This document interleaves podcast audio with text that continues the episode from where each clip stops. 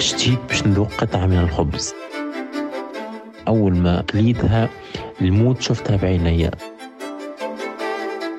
بديت نسيح ونعيط. في اللحظة ذيك تمنيت الأرض تتشق وتبلعني. لم يختاروا أن يكونوا مختلفين لكنهم كذلك مرض يرافقهم طيلة حياتهم والعلاج حمية غذائية خاصة مدى الحياة. التونسي أيمن شعباني أحد هؤلاء لكن أيمن لم يستسلم لقدره حارب مرضه بل وخلق فرصته. منتوج واحد اللي هو الخبز تو وصلنا لأكثر من 45 آه، منتوج من مملحات للسكريات للأشخاص اللي عندهم الحساسية ما عاد نحرموهم من حد شيء.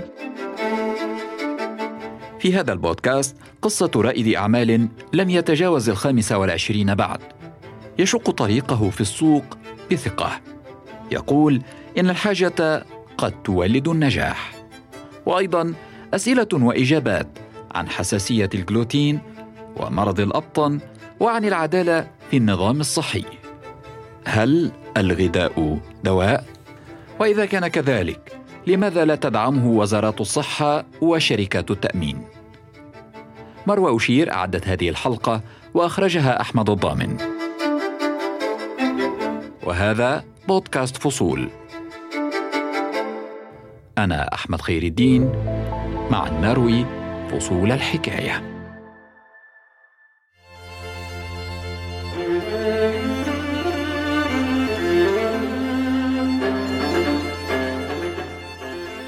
طفولتي ما كانتش كيف الأشخاص الكل آه، لأنه كل عشرة أيام نقوم بفحوصات وصور أشعة للأمعاء متاعي. حبوا يعرفوا شنو الحاجة اللي تسبب لي الأوجاع هذه الكل وفقر الدم ونحافة كبيرة برشا عندي.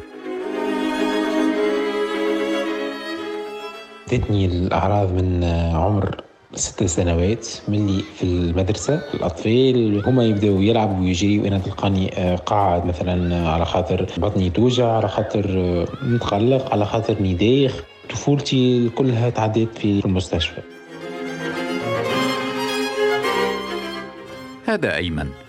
يقول إن طفولته ضاعت في أروقة المستشفيات وبين المختبرات. مرضه الدائم كان لغزا. نحس روحي مختلف على خاطر كل ما ناكل حاجة كل ما ناكل خبز كل ما ناكل مقرونة كل ما ناكل لمجة أبسط حاجة تسيبني معناها أوجاع كبيرة برشا. اللي صار لي مازالوا ما شخصوش المرض مازالوا ما عرفوش الحساسية كما ينبغي. على خاطر في وقتنا هذاك 10 10 11 سنة التالي آه، كان مرض نادر. بعد عشرات الفحوصات والتحاليل اكتشف الأطباء أن مادة الجلوتين هي السبب في أمراض أيمن المزمنة. والمرض الغامض لم يكن إلا السيلياك. مرض معروف عربيا بالأبطن. يصيب هذا المرض الأمعاء الدقيقة وقد يتطور إلى أعراض قاتله للأسف كان واحد على الألف آه، يفيقوا بها اللي هو عنده الحساسية من مادة الجلوتين آه، على خاطر آه، للأسف معناها ما يلقاوش طرق باش يشخصوا بها الحساسية باش يشخصوا بها المرض كما ينبغي. أنا في محض آه، صدفة والحمد لله آه، كيف فيقوا بالحساسيه للأسف هو لقاوها في فترة متقدمة برشا. لقاوها الأمعاء متاعي معناها وصلوا للمرحلة اللي باش يوليو الله الله لا يقدر معناها سرطان سرطان في الأمعاء. وصلت حالة أيمن إلى مرحلة حرجة.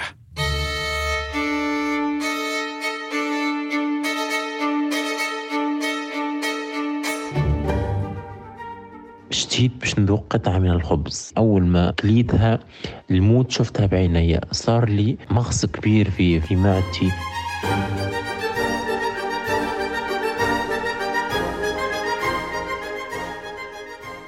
ما عادش نتحمل حتى شيء. بديت نسيح ونعيط. في اللحظة ذيك تمنيت الأرض تتشق وتبلعني. الثمن الذي دفعه أيمن لم يكن جسديا فقط. مرض السيلياك لم يكن معروفا بشكل جيد بل كان غامضا عرضه في طفولته للنبذ الاجتماعي. في وقت طفولتي صارت لي حاجة ما ننساهاش إلى الأبد. أنا مع أصدقائي هكا قاعدين هما يلعبوا كما العادة كما الأطفال الكل في الساحة في فترة الراحة. أنا مشيت هكا حبيت ندخل روحي حبيت نلعب معاهم شوية. قالوا واحد قال آه، ابعدوا عليه ابعدوا عليه عنده مرض معدي. للدرجة هذه معناها عبد عنده آه، حساسية عبد متقلق عبد ما ياكلش كيفهم. تحسوه ديما عنده اختلاف صغير. السيلياك لا يزال يراوغ الفحوصات خصوصا في أنظمة صحية تركز على علاج أمراض واضحة وطارئة وليس التعايش مع أمراض مزمنة بالوقاية والخطط العلاجية طويلة الأمد. لا توجد إحصاءات موثقة لأعداد الضحايا الذين تفتك بهم أعراض هذا المرض لكنه قد يؤدي إلى مضاعفات خطيرة عند المرضى الذين لا يتبعون حمية غذائية خاصة. في العالم واحد في المئة من الناس يعانون منه. وفي تونس النسبة أقل قليلا لكن الإشكالية أن ثلثهم فقط يدرك إصابته بل منهم من لا يعرف حتى ما هو هذا المرض.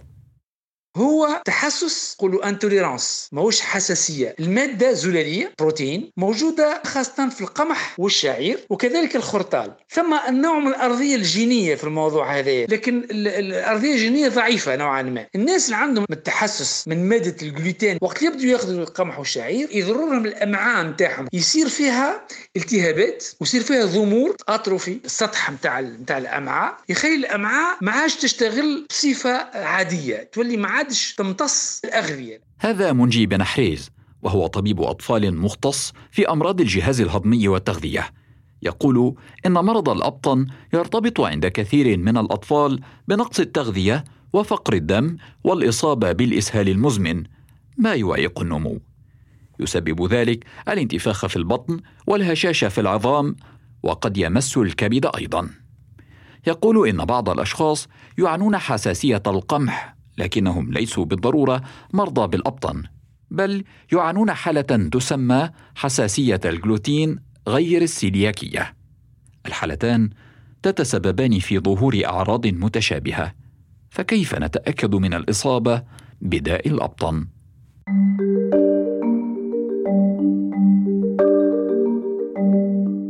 ثم التحاليل نتاع دم تصير ومن بعد يصير فحص بالمنظار اللي بيه ناخذ عينات من الأمعاء ونبعثوها للمخبر. من وقتها يبدا العلاج العلاج الوحيد تو الموجود آه، في العالم هو هو الحميه كنا قبل كان عندنا أمل في بعض أدوية وبعض آه، لقاحات في مرض السلاح لكن البحوث ما زالت الحقيقة ما ما نجحتش آه، نجاح كبير في الموضوع هذايا وما زلنا نستناو الحقيقة في في تقدم العلم في الموضوع هذا. يقول بن حريز إن الأبطن لا دواء له حتى الآن والحمية الخالية من الجلوتين هي العلاج الوحيد. لكن هنا وجب الحذر أيضا. بعض المستوردين والمنتجين للمواد الغذائية يدعون خلوها من مادة الجلوتين فيقبل عليها المرضى ثم يقعون ضحية لهذه الممارسة التجارية الاحتيالية. لكل ذلك قرر بن حريز ومجموعة من الأطباء إنشاء جمعية خيرية لمساعدة المرضى ماديا ومعنويا ومعلوماتيا. الجمعية آه، التونسية لمرض الأبطن تكونت خاصة آه، لحل مشاكل آه، الحمية. أول حاجة نعمل ورشات تدريبية للعائلات وللمرضى في عدة جهات من الجمهورية. وعندنا اختصاصيين يفسروا لهم الحمية أو الحاجة وخاصة تطبيق الحمية معناها يوروهم وصفات تونسية من غير مادة الجلوتين. الحقيقة هذه يعتبر نجاح كبير. إحنا علمنا مئات العائلات في الموضوع هذايا المنتج الخالي من الجلوتين هو العلاج الوحيد إذن. لكن يبدو أن البحث عنه في تونس لم يكن سهلا. للأسف إحنا في 2021 آه، كي نمشي لمساحة تجارية وإلا مغازة كبرى آه، باش نقضي نلقى قسم خاص بينا آه، قسم صغير على الأخر تلقاه هكا في بلاصة معناها ما تتشافش برشا ساعة ما تلقاش برشا تنوع في, في الأغذية وحتى كان لقيت اللي هي حاجة صعيبة برشا باش تلقى اسوام شيء أسف بالحق. بعضها برشا. مسكين الزوالي مساكن معناها آه، العباد اللي عندهم زوز وثلاثة وأربعة أشخاص في نفس المنزل آه، ياكلوا آه، خالي من الجلوتين. يشتكي أيمن من نقص المنتوجات الخالية من الجلوتين وإن وجدت تكون بأسعار باهظة. لكن هذه ليست المشكلة الوحيدة. المنظومة الصحية التونسية لا تعترف بالأبطن كمرض مزمن. على عكس ما هو معمول به في دول أخرى. وثم حتى هيكل يسترجع يرجع المصاريف للمرضى مصاريف الغذاء هذه في بعض البلدان الأوروبية تعتبر الغذاء كدواء ويتم ترجع المصاريف تاع الغذاء. إحنا في الموضوع هذايا نجاهدوا عنا سنوات قبل الثورة معناها قبل قبل 2011 لحد الآن معناها. الحقيقة في الملف نتاع استرجاع المصاريف من الصندوق الوطني للتأمين على المرض ما نجحناش فيه. الدولة التونسيه ساهمت لكن مساهمات ضعيفة. من وزارة الشؤون الاجتماعية أقل من 50 ألف دولار معناها سنويا يعطوهم لنا باش نعاونوا بهم بعض المرضى. الموضوع اذا بيد الصندوق التونسي للتأمين على المرض. تواصلنا مع الناطق الرسمي باسم هذه المؤسسة عبد العزيز السبيعي. رد السبيعي على أسئلتنا كتابة. وقال إن الأطعمة الخالية من مادة الجلوتين لا تصنف في تونس كدواء كما لا تنضوي تحت خدمات النظام القاعدي للتأمين وإن الإشكالية قانونية بالأساس. المشكلة الثالثة توفير المواد لأنه الناس التوفيرجيات مش موفر لها. إحنا عملنا زوز مخبزات خاصة بالجمعية مخبزة في تونس ومخبزة في الجنوب التونسي في جربة. حبوا نعملوا نوع من الشبكة. شبكة سون جلوتين في الجهات الكل على الأقل في كل ولاية. الهدف نتاعها شنو هو؟ الهدف نتاعها إنه الشباب يبعث مشروع معناه يمكنه باش يوفر مدخول اللي هو. وثاني حاجة يوفر لجهته هو الناس المرضى هذوما. وإحنا الجمعية نعاونوه نوفروا له الماكينات اللي يشتغل بهم ندخلوا له باش البنوك تعاونوا إلى آخره. الحل بيد القطاع الخاص. هذه خلاصة ما توصل إليه أيمن شعباني. وقرر الا ينتظر الحلول الحكومية. دخلت نقرأ في آه، الطبخ في في مدرسة خاصة وفي جمعيات كيف كيف نتعلم في في أوكليت نتعلم في وظائف جديدة. من وقتها آه، بديت نحول في الوظائفات العاديين اللي بالجلوتين إلى آه، من غير الجلوتين آه، يعني آه، من فرينة القمح وفرينة الشعير نحول فيهم فرينة الروز وفرينة القطانية اللي هما خالين من مادة الجلوتين الحاجة هذه ما هيش موجودة في تونس سورتو من عبد حامل الحساسية هو نفسه يخدم في المشروع هذايا. أمي معايا في في المطبخ وبابا آه، إن شاء الله ربي فضله هو اللي يعمل خدمة التوصيل معناها نوصلوا الطلبيات للأشخاص. أول شيء عملناه عملنا الخبز جينا خبز بنين برشا خبز فاوح كيف ما نقولوا إحنا بالتونسي. وصلنا النتيجه نتاع آه، خبز خالي من الجلوتين يشبه برشا للخبز العادي في المنظر في المطعم في كل شيء.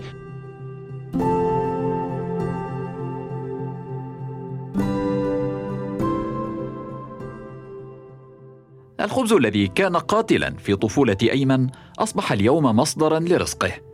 في تونس وفي العالم الحاجة ماسة للمنتوجات الخالية من الجلوتين. ما جعل السوق العالمية لهذه المواد تكبر أكثر وأكثر. فبحسب الشركة الألمانية إستاتيستا المتخصصة في بيانات السوق والمستهلكين من المتوقع أن تتوسع هذه السوق بشكل كبير بين عامي 2020 و 2025 من 5 مليارات ونصف المليار دولار إلى أكثر من 8 مليارات دولار. وفقا لإحصاءات مؤسسة Celiac Disease هناك حاليا ما يقارب الأربعة وستين ألف منتج خال من الجلوتين في السوق. أول ما بديت المشروع متاعي الحمد لله بمنتوج واحد اللي هو الخبز. تو وصلنا لأكثر من 45 آه، منتوج. من مملحات للسكريات للكاتو العيد ميلادات معناها كل الحفلات معناها للأشخاص اللي عندهم الحساسية. ما عاد آه، نحرموهم من حد شيء. بالعكس الماكلة متاعنا آه، ماكلتنا صحية برشا. في في العباد اللي عندهم سوء الهضم اللي عندهم عسر الهضم كيف كيف. للي عندهم آه، غازات في الأمعاء نتاعهم بمشروع عائلي بسيط يحارب أيمن ضاء الأبطن من أجل نفسه ومن أجل المصابين به لكنه لا يزال يعتبر الدولة مقصرة في التعامل مع المرض ويرى أن الوضع الأمثل هو أن تتدخل لمصلحة المرضى اقتصاديا وصحيا. رسالة نوجهها للدولة التونسية آه، باش تدعم الماكلة الخالية من الجلوتين للأسف ما برشا عباد اللي عندهم الحساسية من الجلوتين ما همش معنين في كروشهم آه، لأنه آه، الأسعار متاع الماكلة باهظة برشا. كيلو الفارينة الخالية من الجلوتين بين العشرين وخمسة وعشرين دينار وما يشدش راهو أكثر من جمعة. يعني حسوا بينا ارفقوا بينا. هذه رحلة أيمن شعباني مع مرض الأبطن في تونس. تساءلنا ماذا عن المرضى في الدول العربية الأخرى؟ وهل يختلف الحال في الغرب؟ وجانا هذه الأسئلة لطبيب عربي يعمل في الولايات المتحدة الأمريكية. تعامل العالم الغربي فرق شاسع مع تعامل مع الأسف بلداننا العربية مع الأمراض فالنظام الصحي في البلدان المتقدمة ذات نظم صحية متطورة ينعكس ايجابا على عملية تشخيص المريض على عملية علاج المريض، متابعة المريض، وكذلك على توفير حياة ملائمة للإنسان المصاب بذلك المرض. مصعب إسماعيل طبيب مختص بالأمراض الباطنية يعمل في مستشفى فاوكير بفرجينيا. يقول إن الحل الآن يبدأ من السوق. البدائل يحتاج إلى آه، نظام اقتصادي متمكن في البلد ولكن مع الأسف في بلداننا العربية ما هو نشيط بالمستوى الكافي فتلقى ممكن تلقى البدائل في الأماكن الراقية آه، مو أكيد تلقاها في المحافظات أو القرى أو الأماكن البعيدة أو النائية، خبير التغذية ما هو متوفر في كل المراكز الطبية أو الصحية بمستوى ثابت وواحد. والوقاية مهما كلفت تظل أقل تكلفة من العلاج. يقول مصعب إسماعيل. وخلنا نفترض أنه توفير البدائل راح تكلف. أما المريض اللي حنهمله بالدول العربية أو بالدول العالم الثالث ولن يشخص سيلياك وحيظل يراجع المستشفيات ويراجع العيادات. توقعي كم حيكون هذا المريض قد صرف والنظم الصحية كم حتكون تكلفت في عملية متابعة هذا المريض؟ فدائما الوقاية خير وأسلم وأرخص من العلاج. مضاعفات السيلياك أو الأبطن خطيرة وعلاجها مكلف جدا. هذا المرض ال celiac disease إذا ما تعالج راح تتكون مجموعة من العقد اللمفاوية بكميات كبيرة داخل الأمعاء. هذا مما يؤدي للإصابة مستقبلا كمضاعفات للسيلياك ديزيز الغير مشخص الغير معالج للإصابة بالليمفوما اللي هو سرطان العقد اللمفاوية. ولك أن تتخيلي ما هي الصرفيات اللي اللي الدول أو الأشخاص عليهم أن يصرفوها ويتكلفون فيها في تشخيص مرض الليمفوما وعلاج مرض الليمفوما عن طريق العمليات الجراحية أو العلاج الكيميائي أو الإشعاعي. يواجه مرضى الأبطن في العالم العربي صعوبات كبيرة. تشير التقديرات إلى أن عدد المرضى بالملايين. لكن المرض لم يكن معروفا ولا مفهوما بشكل كاف. وفي مناطق كثيرة لا يزال مرضا غير معترف به اجتماعيا وحكوميا بشكل لائق يحمي المرضى ويخفف أعراض المرض عنهم. صحيح أنه مرض بلا علاج واضح أو حاسم لكن الوقاية بالغذاء الصحي المتنوع والخالي من الجلوتين ممكنة. هذه الوقاية حق. يقول أيمن شعباني الغذاء دواء. هذه تحياتي أنا أحمد خير الدين ومن الزميلين مروى أشير وأحمد الضامن. دمت في صحة وعافية. نروي معا فصول الحكاية. اشترك في الحرة بودكاست على Apple Podcast و Google Podcast. وتابعنا على Spotify YouTube و SoundCloud. كما يمكنك الاستماع إلينا على راديو سوا.